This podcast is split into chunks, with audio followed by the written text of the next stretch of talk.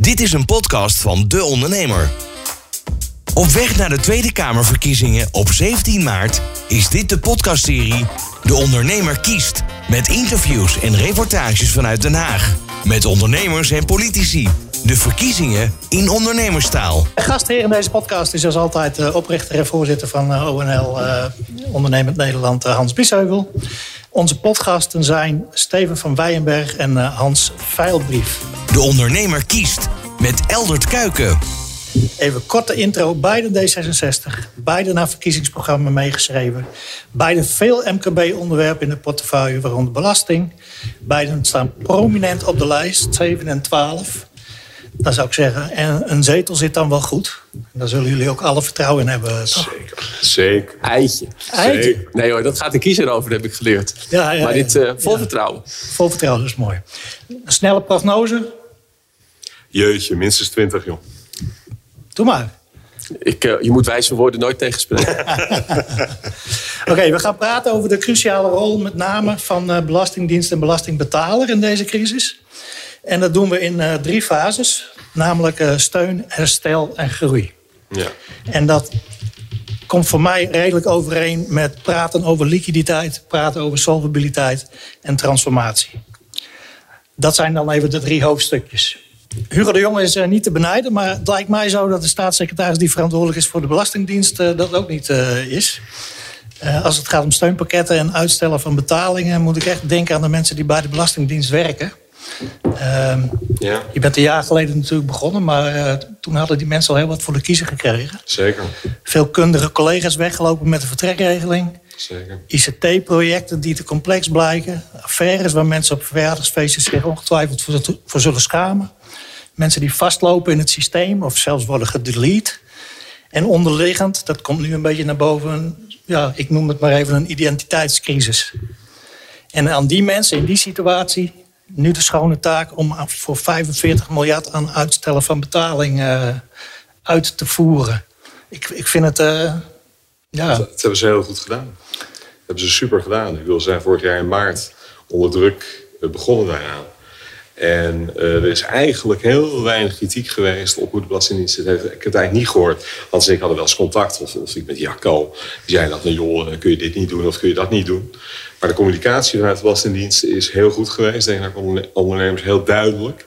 Ja, en heel veel ondernemers, iemand zei dat vorige week nog, zijn echt gewoon natuurlijk door de crisis heen geholpen. Of worden nu nog door de crisis heen geholpen. Dat ze dit niet hoeven te betalen. Ja. Dat weet natuurlijk alles, waar gaan we het straks nog wel over hebben. Dat er nog wel iets, iets wacht.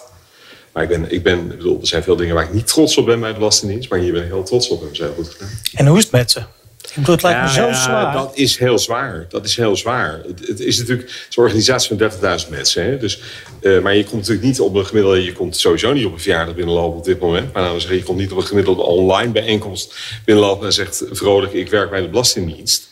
Uh, tegelijkertijd, die mensen zijn toch nog steeds... als wijze spreken, zijn ze trots op hun werk. En trots op hun werk. En ik bedoel, die problemen zijn er allemaal. En die problemen zijn niet veroorzaakt door de gemiddelde belastingdienstmedewerker... maar door hele andere dingen. En die proberen uh, ik samen met de Kamer op te lossen. Uh, ja, dat is een, echt een hele zware klus. Uh, maar dat moeten we gewoon doen. We moeten gewoon, hè, dat is, moet je ook gewoon jaren voor nemen. Op een gegeven moment komt het wel weer goed, maar je moet daar heel hard aan werken. En hoe is het met Hans Vuilbrief dan? Nou, ja, een beetje hetzelfde. Hè? Dus het, op een gegeven moment komt het wel weer goed. Nee, dat is flauwkul. Ik bedoel, ik ben 57. Ik heb heel veel gedaan in mijn leven. Ik heb de eurocrisis gedaan. Ik doe dit. Uh, dit is de zwaarste crisis. Ik, ik, ik zei van tegen de minister-president, dit is zwaarder dan de eurocrisis. En dat komt omdat die gezondheidskant eraan hangt. Dat vind ik zelf heel anders, toch? Gaan mensen dood. Ja. Bij die eurocrisis had je de hele dag zorg te maken over geld. Dat is ook belangrijk. Ja. Maar hier gaat het gewoon over gezondheid. En dat maakt het heel zwaar. Maar hoe is het met mezelf? Prima. Het is hard werken. Soms zwaar en soms leuk. En, maar over het algemeen, je doet, dit doe je gewoon omdat, uh, omdat het belangrijk is voor het land. Ik bedoel, uh, niet om, om, Ik heb ook heel veel lol hoor. Maar uh, je doet het wel uit, toch uit een soort roeping van je moet wat doen voor je land. Ja. En ik las ergens uh, ongeveer over een jaar, dan moeten we wat, wat helderder zijn uh, hoe de toekomst van de dienst eruit gaat zien. Ja, dat Heb hoop ik. vertrouwen in? Dat hoop ik, dat hoop heb, ik. We zijn nu een bezig. beeld bij? Nee, we zijn bezig. Alexander Verhuffelen werd zich uh, helemaal uit de naad, om maar zo te zeggen, om die toeslagenouders te helpen. Ik ben nu bezig met de structuur van de Belastingdienst. Maar ook met, hè, we hebben nu een jaar geleden ontdekt dat er alleen zwarte lijsten werden bijgehouden. Dat proberen we op te ruimen. Die Belastingdienst moet gaan voldoen aan alle wetten. En dat moet weer iets zijn om trots op te worden. Maar toen ik een jaar geleden werd gevraagd, dacht ik al... Hans, dit ga je niet oplossen in een jaar. Dat heeft, dat denk ik, heeft niemand ook gedacht, denk ik hoor. Uh, dus dat is gewoon, daar moet je gewoon mee door. En dat, dat moet gebeuren. Realiseer je, hè, de Belastingdienst is natuurlijk wel de, de slagader voor de overheid in Nederland. Ik bedoel, al het geld wat binnenkomt, komt via die Belastingdienst binnen. Mm Dus het is ook heel belangrijk dat we die mensen ook in hun waarde laten. Hè? Want ik bedoel, ze moeten wel uh, uh, het geld binnenhalen waar onze, onze zorghelden en, en al die mensen die voor ons werken uit worden betaald. Maar een, een plan, om het woord perspectief niet te gebruiken, uh, hoe dat goed kan komen, dat heb je? Ja, dat is er wel, maar het moet uitgevoerd worden. Een hele ja. grote organisatie. 30.000 mensen, ik zeg het nog een keer. Heel veel mensen. En daar ben je niet, je bent hier niet alleen met, uh, met interne organisatiedingen. Hè. We hebben het ook als politiek voor de uitvoering. Hè. Er zijn dingen afschuwelijk misgegaan, zoals die toeslagaffaire. Gaan nu ook dingen fantastisch goed. Hè? Het ging net over de medewerkers van de Belastingdienst. Maar laten we de medewerkers van de Rijksdienst voor Ondernemen niet vergeten. En van het UWV. Die gewoon in twee weken uh, steunpakketten uh, voor ondernemers, voor de vaste lasten en voor de, de, de, de werknemerslasten hebben gemaakt. Ja, als je mij anderhalf jaar geleden had verteld dat we, dat we 2 miljoen werkenden hun salaris door de overheid werden meebetaald, ja. dan had ik, je, had ik je ergens een, een klein bezoekje aan een kliniek aangeraden om een beetje tot rust te komen. Ja, dat gebeurt en het is, wel En het is gewoon, de, het is gewoon de, het, uh, dat, maar dan, had ik, dan was dit misschien iemand met reden geweest. Maar dat is dus, dat is, en dat is dus toch gewoon heel knap gedaan. Ik kan me nog herinneren dat een keer eerder met Hans Bieshoff over gehad. Dat ik, die, je had de aanvraag voor de NOW, die steun voor je, voor je werknemers, voor de loonkosten. En ik kreeg op een gegeven moment, ik, letterlijk liep ik naar de kamer. En ik kreeg om kwart voor negen appjes van allemaal mensen die mij wat voeden met hun praktijkervaring. was relatief vroeg in de crisis. Mijn geld is binnen. Ja. Die hadden op maandag een aanvraag gedaan. En op woensdag en donderdag uit mijn hoofd kwam er gewoon. En dat waren grote bedragen opeens binnen op een week. Dat is een wereldprestatie. En dat moeten we ook gewoon zeggen. Want we hebben ook nodig dat mensen ook gaan werken. Dat geldt ook voor de Belastingdienst waar Hans het net over had. Daar werken goede mensen en hebben we nog veel meer goede mensen nodig de komende tijd. Dus dat moet ook een werkgever zijn waar ik hoop dat iedereen met talenten ook denkt: daar wil ik aan de slag. Want ik ga helpen om het ook beter te maken. Uh, dus dat is, dat is wel, volgens mij juist wel heel mooi, uh, heel mooi nieuws. Dat laat ook zien dat wat je um, voor ondernemers en voor mensen ook kunt doen in de uitvoering van de, van de overheid. En als politiek moeten we het gewoon eens wat minder ingewikkeld maken. Maar dat. Uh, is misschien. Nou, ik wil daar wel wat over zeggen. Want ja. eigenlijk wil ik jullie een groot compliment maken. Want ik vind, we hebben nu eigenlijk aangetoond hè, dat het dus wel kan. Hè? Dus als we het simpel en overzichtelijk maken, zoals bij de NOW en de TVL, ja. dan kunnen we het dus wel. Hè? Dan kan het UWV ja. het, dan kan de Belastingdienst het wel. Dus dat heeft mij ook het inzicht gegeven hè, dat we wat dat betreft eigenlijk wel alles in place hebben om het goed en snel te doen. Als we die regelingen maar wat simpeler en eenvoudiger maken. Want dat is volgens mij een van de wat jij ook aanduidde net, hè, van ja, je kan die belastingdienstmedewerkers allemaal wel verwijten. Maar ja, ja. we maken het ook heel ingewikkeld. Hè? Ja. Het ingewikkelde systeem, ingewikkeld toeslagensysteem. is ook bijna niet te handelen, zou ik gaan zeggen. Maar wat knap is natuurlijk, als je kijkt naar de cijfers, gewoon de macrocijfers. Dat zal een individuele ondernemer natuurlijk uiteindelijk worst zijn. Maar voor ons, wij kijken natuurlijk naar die macrocijfers voor de economie. En dan zie je gewoon dat Nederland is een van de landen met de laagste werkloosheid, laagste aantal faillissementen, et cetera, door die crisis heen aan het komen is. Dat is ja. ontzettend knap. Hè? Want wij, wij stonden natuurlijk bekend in Europa. Ik, ik heb in Europa gewerkt, weet je als uh, schaalhandses keukenmeester. Hè? Ik bedoel, er kon nooit wat bij ons. Ja. En nu in zo'n crisis wordt er gewoon een enorme hap liquiditeit in die economie geduld. Uh, en dat is precies wat Steven zegt, ook in een tempo. Ik bedoel, die NOW, die was er natuurlijk niet. Hè? Die is gewoon verzonnen. Ja. Die is gewoon gemaakt in een paar weken. Nou, dat moeten we dus ook uitleggen, Hans. Want je zegt, er zei er natuurlijk net wel iets heel cruciaals bij. Je krijgt nu wel eens mensen die zeggen... Ja, als dat kon, waarom kan dan dit, dit en dit ook niet binnen twee weken? Omdat we heel veel ingewikkeldheid niet konden. Dan moest bijvoorbeeld het UWV elke werknemer zijn WW-rechten aanpassen in het systeem. Ja, dat lukt gewoon niet. Nu kon je het op basis van loonsommen van ondernemingen doen. Ook een gigantische prestatie. Maar uh, dit legt ook bij de politiek zelf een grote verantwoordelijkheid om... als je wil dat de uitvoering ook in de toekomst beter werd... Jullie hebben in je verkiezingsmanifest bijvoorbeeld ook terecht aandacht voor de menselijke maat. Hè? Dat zeggen we vaak als het gaat over mensen die zich melden die bijvoorbeeld werkloos zijn geworden. Maar het geldt ook net zo goed voor ondernemers. Dat betekent wel dat je moet investeren in de uitvoering. En dat je regels moet maken die ze ook kunnen, kunnen uitvoeren. En die een beetje eenvoudig zijn, wat jij terecht zegt. En in alle eerlijkheid, daar zijn politici niet altijd even, even goed in. Maar denk je dat het beeld en het vertrouwen dat er hier wordt geschetst, met name door Hans Veilbrief, dat, heb je, deel je dat beeld en vertrouwen? Of ga je, nou, kijk, ga je Kamervragen nodig hebben? Nou, kijk, ik bedoel, dit, dit, die, die weg omhoog bij de Belastingdienst zal er eentje zijn vol, uh, vol uh, pot, hoe je dat? vol kuilen en hobbels. En af en toe zullen we ook nog wel eens. er gaat echt nog wel meer vervelende dingen naar boven komen. En het, ik denk dat het onderdeel van genezing begint bij dat je de diagnose stelt. En er gaan dus nog allemaal. Die, er gaan echt nog meer problemen komen. Het gaat denk ik nog we gaan nog meer incidenten en problemen zien voordat we met elkaar de weg naar boven vinden. Maar laten we niet blijven vergeten dat er ook heel veel gaat. We hebben in Nederland met de vooringevulde aangifte iets waar heel de wereld met jaloezie naar kijkt. Hè? Dat je niet een schoenendoos nodig hebt voor je belastingaangifte. Maar in mijn geval, ik gaf nog twee of drie dingen moet doen. Een gemiddelde ondernemer is anders, dat weet ik. Maar dat hebben we in Nederland gewoon heel strak geregeld. Laten we dat met alle kritiek die terecht is... er ook geen karikatuur van maken en vergeten wat er allemaal goed gaat. En verder vertrouwen Kijk, ik snap heel goed dat heel veel ondernemers zeggen: dankjewel voor die miljarden. Goed dat het al goed gaat. Maar mijn, ik zit in mijn eigen kas te kijken. En daar heb ik nu al een maand sta ik tegen een lege bodem aan te kijken. nou, dat, dus, dat, soort, maar dat soort geluiden komt dus bij, uh, ja. bij ONL binnen. Jullie vertegenwoordigen meer dan honderdduizenden ondernemers. Wat hoor je hierover? Ik bedoel, stel, stel, stel even dat het goed zou lopen bij de Belastingdienst over een, over een tijdje. Hoeveel makkelijker wordt het dan om te ondernemen in Nederland? Nou ja, kijk, onze manifesten zetten we in op een beter ondernemersklimaat.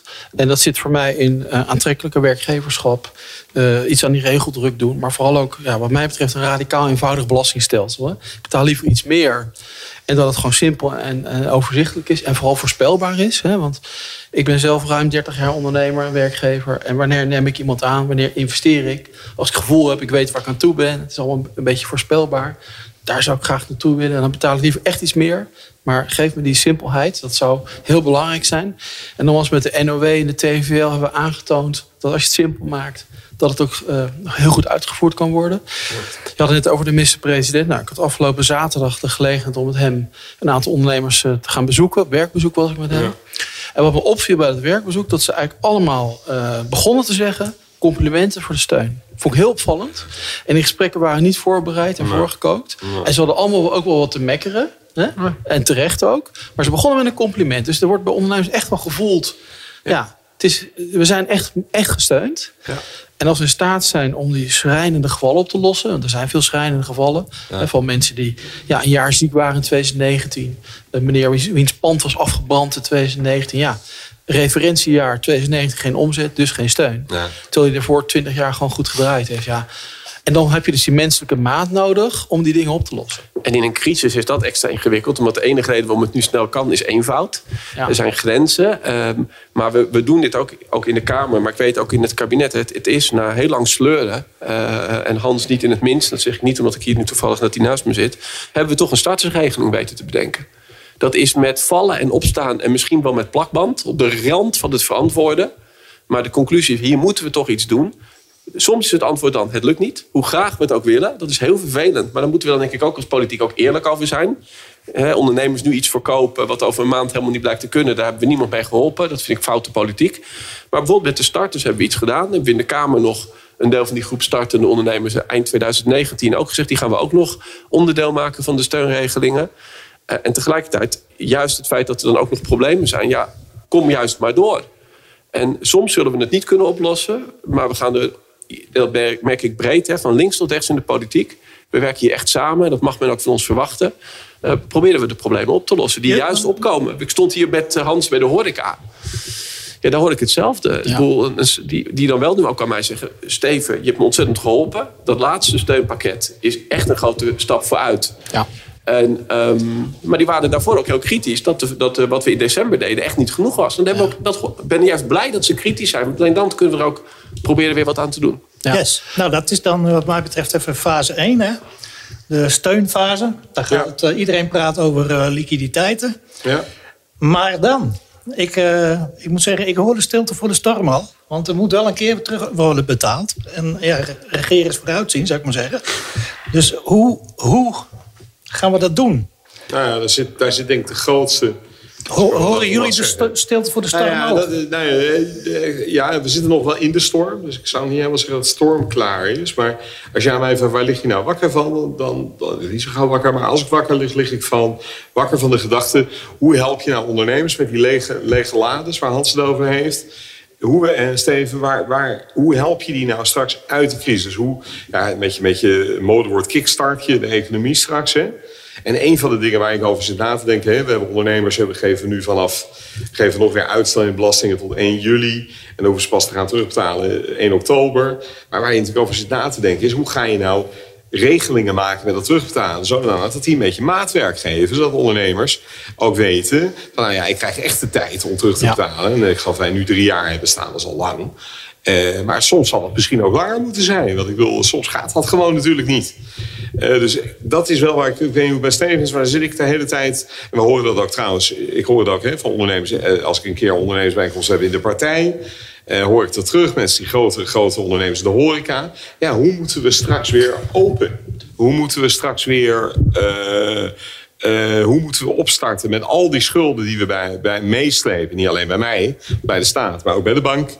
Uh, nou, dat, is, dat is het grote thema, denk ik. Dat wordt denk ik ook een thema in de verkiezingen. Hè? Uh, ja, hoe, en, we dit moeten doen. Kijk, we, we hebben al, al, de afgelopen periode steeds gezegd... Nou, dat, dat moment waarop we belastinguitstel stoppen... Hè, voordat we in deze nieuwe lockdown kwamen... hadden we al meer tijd gegeven. Nou, dat, dat, dat was goed. Alleen wat we ook niet moeten vergeten, de meeste ondernemers, als ze weer kunnen, die willen zo snel mogelijk terugbetalen. Want die willen er gewoon, die willen er gewoon van, uh, vanaf. Uh, niemand wil graag nog zo'n openstaande vordering van de Belastingdienst boven zijn nek hangen. Uh, sterker nog, dat, ik sprak in de tweede lockdown ondernemers. Die zeiden, ik heb, toen het wat beter ging in de zomer in de horeca... Heb ik juist, ben ik gaan terugbetalen. En daar heb ik nu een beetje spijt van. Want dat buffertje had ik nu achteraf nodig gehad. Maar dus um, het, je kunt volgens mij ook verantwoord... en daar hebben we best even discussies ook met het kabinet over gehad... ruimte geven. Want een gemiddelde ondernemer, een gemiddelde ondernemer die gaat gewoon zijn best doen... zo snel mogelijk terug te betalen. Die wil er vanaf. Maar dan bied je door een lange termijn te pakken... ruimte aan degene die dat gewoon onverhoopt niet kunnen. En die zullen er helaas zijn. Ja, want hoe voorkom je dan dat uh, die, die kleine uitgehongerde visjes worden weggehapt door de grote? Wat je toch al veel ziet. Nou, je hebt wat, wat breder. Ik bedoel, als er nou één ding is waar ik slecht van sliep, hè, ook, in de, ook naar de toekomst toe, maar eigenlijk ook al nu midden in deze storm. Een van de redenen waarom ik de horeca bijvoorbeeld wilde, laten we de horeca eens even uitlichten. Is omdat ik vond dat we allemaal in onze wijken van het land het belangrijk vinden dat ze er zijn. En ik vind het argument, nou ja, als ze failliet gaan, komt er morgen een ander. Dat doet echt geen recht aan hoe dat werkt. Hoe de ondernemer werkt. Het belang van, kijk naar alle acties. Dat zal in jullie winkelstraten niet anders zijn. Uh, van, van buurten die hun ondernemers nu met takeaway, met hoodies kopen. Probeerden nog een klein beetje te helpen. Wat gebeurde er de afgelopen maanden? Er, er was ook steun hoor. Als de overheid dit niet had gedaan, dan waren er leren jasjes langsgekomen. En dat hoorde ik gewoon van ondernemers. Wil jij even 50 rug lenen? En uh, zullen we je pand nu maar even overkopen? En dat waren niet allemaal types uit zeg maar, het meest uh, nette circuit van de economie. Nee, Sterker nog, ook gewoon criminaliteit die op die manier probeert een voet aan de grond te krijgen. Dus uh, was voor mij echt, daar heb ik echt van gedacht. Ik wil ondernemers al helpen. Want ik wil ze door de, deze crisis heen helpen die niks met ondernemersrisico te maken heeft. Maar als wij hier de, bijvoorbeeld de, de echte criminaliteit een voet aan de grond geven, bijvoorbeeld in de horeca, want daar speelde dit het eerst dan zijn we echt. Dat, dat ondermijningsprobleem is al groot genoeg. Dit kunnen we er niet bij hebben. En dat zal ook als we eruit gaan, van dat was je vraag, zullen we daar wel oog voor moeten blijven houden. Alleen het is, ik vind, het is eigenlijk zo moeilijk om over na te denken. Terwijl op dit moment denk ik wel, ja, wanneer kunnen misschien de terrassen weer open? dat zijn nu de vragen voor de komende maanden. En tegelijkertijd met dat Britse variant denk ik dat niemand van ons aan tafel hier durft te zeggen hoe we er over vier weken voor staan. Tenminste, ik niet. Nee, maar je kunt wel eens, eens bepaalde scenario's uh, schetsen voor als het zover is. Hm. een andere vraag uh, bijvoorbeeld, uh, Hans, is... De, de, consumenten sparen nu enorm. Hè. Die, die, kunnen namelijk wat minder uitgeven. Terwijl ondernemers echt interen op hun reserves en eigen vermogen. Dat op zich kan dat een match zijn. Maar hoe breng je dat in godsnaam bij elkaar? Dat het geld weer gaat stromen. Nou ja, belastinginstrument? Nou ja, kijk, weet je, ik was even, even terug op het vorige punt. Al even een op aanvulling wat Steven zegt. Kijk, we hebben afgelopen maandag de MKB-noodlijn geopend. Uh, mede op een aangegeven ook van de zelfmoordlijn. Ja, het is heel pijnlijk. 113, die mij belde eind vorig jaar en zei: We krijgen nu zoveel ondernemers aan de lijn. Kunnen we niet wat doen? Nou, ja, afschuwelijk. Uh, dat heeft veel met de persoonlijke situatie van ondernemers te maken. Die voelen de druk van die belastingsschuld. Die hebben een stapel onbetaalde rekeningen liggen. Die hebben de huur uitgesteld vaak. Uh, die lopen achter met een hypotheek, privé. En die hebben dan die persoonlijke borgstelling bij de bank ooit getekend. En die zien het gewoon nu even niet meer zitten. En die ondernemers die kunnen dus alleen maar bordjes omhoog houden. En die hebben absoluut geen ruimte om vooruit te kijken. Dat is, daarom is ook mijn pleidooi voor die herstelperiode. We hebben nu steun.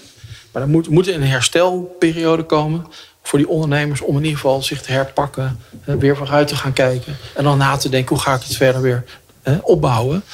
Maar vergis je niet, en ik verwijt het aan niemand, hè, het is gewoon een constatering die ik doe. De druk op de persoonlijke situatie van heel veel ondernemers is enorm. En dan geef ik nog één voorbeeld. We hebben samen met Hogeschool Utrecht en met Credits hebben een onderzoek gedaan naar hoe staat het kleinbedrijf ervoor. Hè? En je weet dat is 93% van de bedrijven. Het inkomen, het inkomen van die ondernemers, 48% zit op bijstandniveau of daaronder. Hè? Dus uh, dat is enorm aan het zakken. Want veel van die ondernemers die aan de, bij de MKB noodlijn aan de lijn krijgen, ja, ik kan al maanden geen inkomen uit mijn bedrijf halen. Want ja, de liquiditeit is er gewoon niet. En ik moet ook mijn kinderen uh, naar school laten gaan en mijn boodschappen doen. Maar het kan gewoon niet. En dan hebben ze gelukkig vaak nog een partner of een moeder die zegt, nou ja, ik stort wat. Maar dus die persoonlijke situatie vraag ik ook echt aandacht voor. Die is penibel. En zeker aan het klein bedrijf. Maar geldt denk ik ook voor Hans. Ik bedoel, ik, ik spreek veel ondernemers. En wat je dan ook ziet, uh, en ook wel hoort bij sommigen waar je dan een beetje in de boeken mag kijken, is dat, uh, dat natuurlijk ook het privékapitaal dat er allemaal het. in zit. Dat en de studiepotjes voor de kinderen en uh, de eigen hypotheek. En dan hoor ik soms verhalen van banken die dan zeggen: dat is goed, maar voor we u gaan helpen, gaan we nog even een hypotheekcheck met u doen. En wat zien we nu toch? U hebt nog een Donald Duck abonnement voor uw kinderen. Ja. ja dat hakt er. Ik bedoel, dat verhaal dat grijpt mij aan. Dat grijpt mij aan. Ik bedoel, dat zet geen enkele zoden aan de dijk voor een bank. Maar het is wel het laatste stukje eigenwaarde en zelfvertrouwen van een ondernemer wat je dan door het putje trekt. Hè? Ja. En, uh, dus ik hoop ook echt dat de banken, en ik snap dat het geen, geen liefdadigheidsinstellingen zijn, maar echt jongens, dit, bij iemand die 0 euro binnenkomt, is een gesprek over Donald Duck abonnement volgens mij niet het gesprek om nu te voeren. En ik vind het goed wat jullie doen in de, in de noodlijn. Het is afschuwelijk dat het nodig is. Maar um, en wij realiseren ons ook elke keer als we die steun doen. Dat gaat natuurlijk allemaal over honderden miljoenen en miljarden. Maar daarachter zitten natuurlijk gewoon werkenden. Ondernemers, werknemers, zelfstandigen. Die gewoon natuurlijk s'avonds gewoon thuis elkaar aan zitten te kijken op de bank. En zeggen hoe gaan we in hemelsnaam de komende week uh, nou ja. doorkomen. Ja, en, en naarmate het langer duurt begint dat nijpender te worden. Hè? Want ja, dan heb je niet alleen die belastingachterstand. Maar ook die onbetaalde rekeningen. Ook die hypotheekachterstand. Het telt op. En privé en zaken ligt gewoon heel dicht bij elkaar. Hè? Maar daarom is die koerswijziging van het kabinet. Het kabinet heeft heel lang een soort dubbele strategie gehanteerd. Ja. Die ik begreep. Aan de ene kant ja. uh, overbruggen. Maar we wisten allemaal niet tot hoe lang dat zou zijn. Dus er zat ook afbouw in. En D66, maar ook andere partijen hebben de afgelopen twee maanden gezegd... we zijn nu vaccins in aantocht. We weten niet hoe donker de komende maanden nog worden. Maar het is licht aan het einde van die tunnel. Die zal nog wel langer zijn dan we allemaal hopen. Maar dan past afbouw niet meer. Dan is het overleven. En je hebt helemaal gelijk, Hans. De eerste maand kan ik zeggen, je hebt toch wel een buffertje. Dan kan ik misschien de derde maand nog zeggen, maar niet de twaalfde maand. Nee. En daarom is dat perspectief. Hè? Daar, daarom zeg ik net perspectief, kickstart. Daarom is dat perspectief zo belangrijk. Je kan nu niet zeggen wanneer dat is met dat virus. Uh, dat kun je niet voorspellen. Dat vroeg je net. Kun je denken in scenario's. Natuurlijk kun je denken in scenario's. Maar één ding weet je zeker. Als straks de boel open kan als straks de boel open kan, wil je natuurlijk dat die mensen die, bij wie de kassen leeg zijn, dan ook hè, niet direct achtervolgd worden door mijn inspecteurs. Dat is niet helemaal de gedachte natuurlijk. Dat kan, dat kan niet waar zijn en ook niet door de banken. Dus daar moeten we echt een goed plan voor maken. Daar ben ik ook aan bezig en zijn we over, over aan het denken. Ik denk dat het ontzettend belangrijk is. Maar dat begint bij heel veel ondernemers met gewoon open kunnen. Hè? Dan kunnen ja. we nu, nu is het allemaal. Elke ondernemer die ik spreek, bijna die begrijpt heel goed wat er nu gebeurt en waarom je niet open ja, kan. Uh, er komt nu klik en collect. Best een spannende stap, vind ik zelf. Maar wel op aangedrongen. Als het enigszins kan, doe het. Uh, onder motto ook alles helpt en, en, je onderneming houdt contact met klanten. Ik snap hoe belangrijk dat is, ook juist voor, dat, voor de lange termijn. Hè, dat je je klantenbinding niet verliest.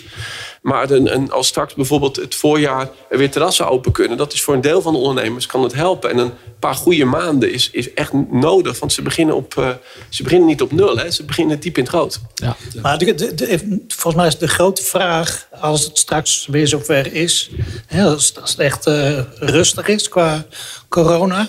hoe gaat dan, dan heb je voor herstel nodig dat het weer gaat stromen. Nee, dat, sorry, die vraag stelde jij net. Wij, wij zijn afgedwaald. Uh, jij vroeg, hoe komt dat geld dan bij die bedrijven? Voor een deel gaat het vanzelf. Hè? Ik bedoel, kijk naar mijn haar. Dus ik, bedoel, ik ga vanzelf naar de kapper. uh, en, en ik, mijn bankrekening, ik bedoel, iedereen die een vaste baan heeft... heeft de afgelopen maanden weinig geld kunnen uitgeven. Dus voor een deel gaan mensen echt vanzelf uitgeven. Ik ben daar toch redelijk in geslaagd. Maak je, maak je geen zorgen. En voor een ander deel kunnen we kijken, dat kan ook bij Kickstart horen... dat je tijdelijk iets met belastingen doet. Ik wil er best naar gaan kijken dan. maar dat is nu dat is precies waar, het plan waar we, waar we aan moeten denken. Daarom gebruik ik het woord kickstart. Je moet op een gegeven moment eigenlijk moet je ergens een keer een turbo kunnen aanzetten. Wat Steven zegt. Terrassen open. Ja, maar dat helpt dan bij het herstel. Hè? Ja, dat hoort bij dat herstel. Dat zag je ook de afgelopen zomer. Toen kwamen we uit de eerste lockdown.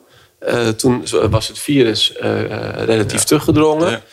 en toen zag je ook letterlijk dat er, dat er zeker bij sectoren zoals de horeca, dat heel veel, het was hartstikke druk. Veel, veel ondernemers zeggen mij, we hebben, dat kwam niet alleen door het weer, we hebben echt goede maanden gedraaid. Het wilde was, dat hadden ze nodig om het langzaam aan te vullen. En toen kwam de ellende van dit najaar weer. Um, dus deels denk ik echt dat mensen staan te springen om weer dingen te gaan doen. Of het nou uh, is om naar een voorstelling te gaan of, uh, of, of, geld uit te geven om te gaan shoppen in een winkel. Uh, veel mensen hebben maar, uh, maar er zullen ondernemers zijn die gewoon heel veel. De, de ene ondernemer zal gewoon sneller weer een beetje het, uh, het, het, het, het, het, goudkistje hebben aangevuld dan de ander. En, nou ja, Hans, jij, jij gebruikt het voorbeeld van als je niet kan inkopen, ga, nou ja, ga je nou ja, dat, verkopen. Nou ja, dat is een van de punten. Ik, ik was vanmorgen te gast bij uh, Den Haag FM, bij Haags Bakkie. Nou, dat is een leuk programma. En uh, het gebeurde me vanmorgen, gebeurde me vorige week ook toen ik erheen liep, kwam ik een, een, een, een toevallige winkeleigenaar tegen. Ja, ik heb nog steeds die wintervoorraad liggen. Ik moet nu beslissen over mijn lente- of, of zomervoorraad. Maar ja, ik heb de liquiditeit nu niet. En als straks mijn winkel wel open mag en ik heb geen voorraad, ja, dan gaat alsnog mis. Ja, hè? Ja. Dus dat dilemma, dat ligt nu keihard. Hè? As we speak hier, zit hier om ons heen. Allemaal ondernemers hoe ga ik dat doen? Dat straks mag het weer, maar ik heb niks te verkopen. Ja. En dan, dan, moet je dat wel dus en dan moet je volgens mij nu al bedenken. Ja. Want anders komt er een enorm gat te liggen tussen het moment dat het kan en het moment dat je iets hebt ah, bedacht. Ik begrijp het punt. Hè? Voor een deel doet het kabinet er wel aan. Uh, met, uh, met de regeling die we hebben gemaakt voor de voorraden. Hè? Want dat was natuurlijk een van de dingen. Mensen ja. hadden voorraden, gingen dicht. Ja, die voorraden moesten op een. En die voorraden moet je op een of andere manier financieren. Omdat ze vaak natuurlijk uit de verkoop van die voorraden het volgende weer doen. De andere wat ik toevallig vandaag hebben bekendgemaakt. Dat we, de, we hebben een regeling waar we het leverancierskrediet garanderen. Dat klinkt heel technisch. Uh, we gaan om 12 miljard, heel veel geld. En wat doen we met die regeling? Daar zorgen we ervoor dat leverancierskredieten blijven bestaan. Ook als die ondernemers hun krediet hè, status niet meer geweldig is, toch kredieten kunnen krijgen. Nou ja, ja. tegen Hans te zeggen, dit is voor de detailhandel, voor bijvoorbeeld kleding, et cetera, ja. is dit een soort lifeline. Als dat, niet meer, als dat er niet is, dan valt de economie stil.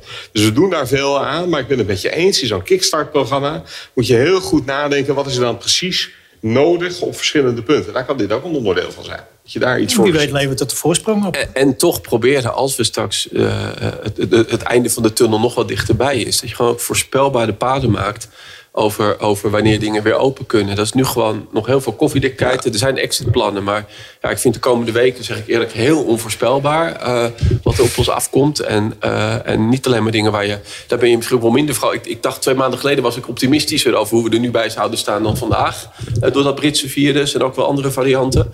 Maar als op een gegeven moment je verder bent met vaccineren, we, we door die maart heen, heen gaan, dan hoop je iets van perspectief te kunnen geven. Want ondernemers moeten zich ook voorbereiden. Die, ik spreek veel mensen die zeggen, ja, ik ben nu dicht, dat zal misschien wel even duren.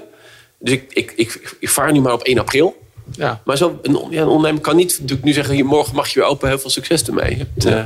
ja. Dan uh, de laatste uh, fase. Ja. Die van groei, transformatie. Ehm, ik denk dat jullie lijstaanvoerder Sigrid Kaart dat eerder vernieuwing noemt. Dus het zal u aanspreken. Maar onder deze pandemie ligt natuurlijk sowieso al de noodzaak om te transformeren. Ja. En dan, dan biedt deze crisis ook kansen en, een, wellicht een versnelling. Uh, ik wil jullie afsluiten met jullie alle drie uh, daar één vraag nog over te stellen. Wat betekent die transformatie voor Belastingdienst, voor arbeidsmarkt en voor de, het ondernemingsklimaat? Zal ik beginnen met belastingen? Ik uh, weiger dat niet. Uh, weet je, ik, ik stond toevallig vorige week in het eerste verkiezingsdebat heb ik gezegd: Nou, luister, als er één ding helder is, hè, dan moet je zorgen dat hoe je de crisis bent ingegaan, dat je niet probeert om vast te houden aan oude dingen.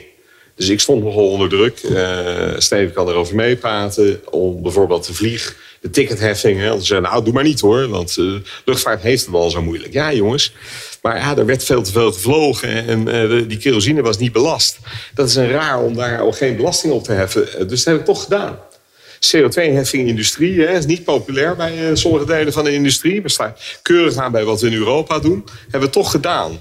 En wat, wat is daar nou de kern van? De kern van is dat je nu deze crisis niet moet gebruiken om het oude weer opnieuw op te bouwen, maar nieuwe ondernemers kansen moet geven. En eh, ik stond daar in die zaal en je merkt gewoon hè, dat daar de ondernemers, echte ondernemers, die transities willen meemaken. Klinkt allemaal heel, heel, heel uh, plechtig, transities willen meemaken. Maar die zijn er gewoon voor. Die zeggen ook, nee, nee, tuurlijk niet. Tuurlijk willen wij niet op de oude, vervuilende manier ondernemen. We willen schoon ondernemen. Schoon is één ding kunt het ook over, innovatief hebben. hoe helpt daar dan belastingen bij? Nou, ik gaf je net twee voorbeelden. En wij in ons programma hebben, gaan we daar verder mee om die, om die economie te vernieuwen. Tegelijkertijd moet die, moet die geen ondernemertje pesten zijn. Uh, en dat heeft het soms, eh, dat karakter. Uh, nogmaals, mijn vader zuchtte vroeger als hij weer de brievenbus hoorde... en dan viel er een blauwe envelop naar binnen. Uh, dan sprak hij de beroemde woorden, daar heb ik weer een brief van mijn penvriend. Uh, dus ik wil, maar dat moet het niet zijn. Dat moet het niet zijn. Maar het moet wel, dus het, ondernemers moeten begrijpen wat voor perspectief er is. Nou, dat dus. Ja, dus is het niet nog meer regels en wantrouwen? Nee. Het is helder. Ingewikkelder kunnen we het niet maken. Het is een helder perspectief op een schonere economie, een vernieuwendere economie. En nogmaals, eh, laten we ook niet te lelijk doen over Nederland. Nederland is daar al, Nederland is een hele moderne economie, maar we moeten verder aan bouwen. En dat, dat kun je helpen met belastingen. Dat, en dat probeer ik te doen. Ja, en, en dat geldt. En dat, kijk, op de arbeidsmarkt. Een van, de, een van de lessen is volgens mij. Ik, ik weet dat heel veel ondernemers. Het eerste, elk gesprek over de arbeidsmarkt gaat over de loonopbetaling bij ziekte twee jaar door loonopbetaling bij ziekte, wat gewoon een, een, een, ondernemer met vijf of tien medewerkers zegt, dat, dat vind ik gewoon. Dat hangt als een molensteen om mijn nek. Dus ik durf geen mensen aan te nemen. Nou, daar willen we ook. Dat halveren we gewoon, die duur. Uh, maar en het tweede wat ik wel belangrijk vind, is, is dat we ook een paar goede dingen uit deze crisis behouden. Dus dat is het lastig als je er middenin zit, hè, om ook het, toch het goede te blijven zien. Maar laat ik maar dan een beetje optimistisch ook eindigen. Um, we hebben nu gezien dat, dat we eindelijk, vind ik, nu gaan zorgen dat we veel meer mensen van werk naar werk helpen. In plaats van dat ze eerst hun baan moeten verliezen. Op dit moment, werkloosheid is laag. Maar waar in sommige sectoren mensen nu gewoon niet kunnen werken, uh, zijn andere sectoren dringend op zoek naar personeel. En zie je dat het nu opeens lukt om de ene werkgever te zeggen: Weet je wat, ik, heb jij, ik neem wel mensen van jou. Dat lukt, dat, dat, dat is, daar hebben we al jaren over gepraat. En nu zie ik het in de praktijk langzaam gebeuren. Niet van vandaag op morgen, maar ik zie echt mooie, mooie voorbeelden. Er lopen ook mooie initiatieven in de stad Amsterdam bijvoorbeeld. Weten werkondernemers elkaar ook goed te vinden. En dan voorkomen dat mensen hun baan verliezen. Maar gaan ze naar een sector waar er nog heel veel schreeuwend tekort aan personeel is. Van die sectoren zijn er nog steeds. Neem de techniek. Dus dat, is, dat moeten we echt vasthouden uit de crisis. En ook voor ondernemers we hebben een aantal dingen noodgedwongen. Er zijn heel veel ondernemers in de winkelstraten nu veel actiever digitaal geworden. En die strijd, en ik denk, als ik heel positief mag eindigen, ik denk als één ding de gemiddelde Nederlandse klant heeft gezien, is dat met alle liefde voor de supermarkt en voor bol.com, wat je kwijtraakt als in jouw winkelstraat de winkels niet kunt zijn. Dus ik hoor veel mensen zeggen, ja, dit is eigenlijk de definitieve doorbraak van het internetwinkelen. En mijn antwoord is altijd, ja, dat snap ik, maar aan de andere kant ook de doorbraak dat ook de winkel om de hoek met dat soort dingen misschien nog meer gaat doen dan die deed.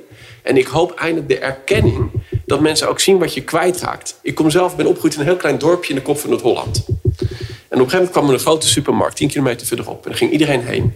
En vijf jaar later stond iedereen klagend met elkaar dat nou, toch, de kruidenier was verdwenen en de slager was dicht. En ik hoop dat deze crisis ons met de neus bij feiten doet. Koop lokaal. Dat je gewoon, en ik denk dat er ook niet eens echt een herwaardering is van die ondernemers in jouw wijk. Dus in die zin, maar goed, dat is mijn optimisme. Ik merk het bij mezelf ook nog veel actiever dan ik al was. En ik denk dat heel veel ondernemers hiermee hun bestaansreden, die bij mij niet ter discussie stond, maar af en toe wel onder druk stond, eh, definitief ook eh, voor de samenleving hebben bewezen. En daar jarenlang, denk ik, van die loyaliteit vruchten gaan plukken. Het papieren boek is ook niet verdwenen. Het papieren boek is niet verdwenen. En je wilt toch. Ik, het is leuk om langs een etalage te kunnen lopen. Dat er in jouw winkelstraat uh, horeca zit waar je kunt eten, een kopje koffie kunt drinken. En uh, dat je door een boekhandel kunt snuffelen, dat vind ik zelf altijd al hartstikke leuk. Kan nu even niet, mis ik ook gewoon echt. Maar dat, ik denk echt dat mensen dat zien. Dus die herwaardering van, van het lokale ondernemerschap. En je hebt het gezien. Ik stond in de rij voor de takeaway. Uh, met allemaal mensen. En die namen die fles wijn. Ook omdat ze zeiden van jij moet, ik wil dat jij er ook over een jaar nog bent. En dat uh, in alle moeilijke tijden hoop ik dat heel veel ondernemers, weet ik dat ze dat als een ontzettend morele steun in de rug ervaren. Niet alleen een financiële, maar ook een morele. Ja, En hoop ik dat we die les de komende jaren ook niet na deze crisis meteen weer vergeten. Want uh, dit is onderdeel van ons Nederlandse structuur of de samenleving, zoals dat dan zo mooi heet. Nou, wat we daarvoor nodig hebben is een transformatie van het ondernemersklimaat. Nou ja. Dus we geven de gast tegen het laatste woord. Nou, dat, dat sluit eigenlijk allebei die verhalen aan op onze kernboodschap. Hè. Zet dat ondernemersklimaat nou centraal hè, bij het financieel-economische beleid van de toekomst. Uh, we hebben ook bij de vorige regeerakkoord hele mooie woorden gehoord hè, over ondernemerschap en MKB we zijn er met elkaar, kijk, jullie niet maar met elkaar niet altijd in geslaagd om dat te realiseren de afgelopen paar jaar. Dus ik hoop dat we in de komende uh, kabinetsformatie bij de volgende kabinet dat wel kunnen doen. Hè. Ik geef maar het voorbeeld van de arbeidsmarkt. We zitten helemaal op één lijn wat de analyse betreft. Maar ja, we zijn er met elkaar nog niet in geslaagd om het echt om te zetten in uh, voldoende daden. Uh, en ik denk, en ik herhaal toch wat ik daar straks zei, en jullie zeggen het eigenlijk zelf ook, maar dat, dat ondernemersklimaat, en maak het voorspelbaar. Hè. Maak het wat eenvoudiger voor die ondernemers. Ja. Het hoeft niet allemaal ja. Eh, goedkoper, eh, maar het moet gewoon vooral simpeler. Hè? Eenvoudig, simpel en voorspelbaar. Dat is waar ondernemers behoefte aan hebben.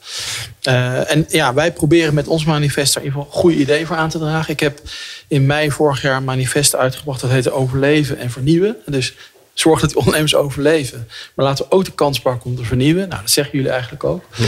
En ik denk als we dat met elkaar kunnen doen de komende maanden, in ieder geval een begin kunnen maken.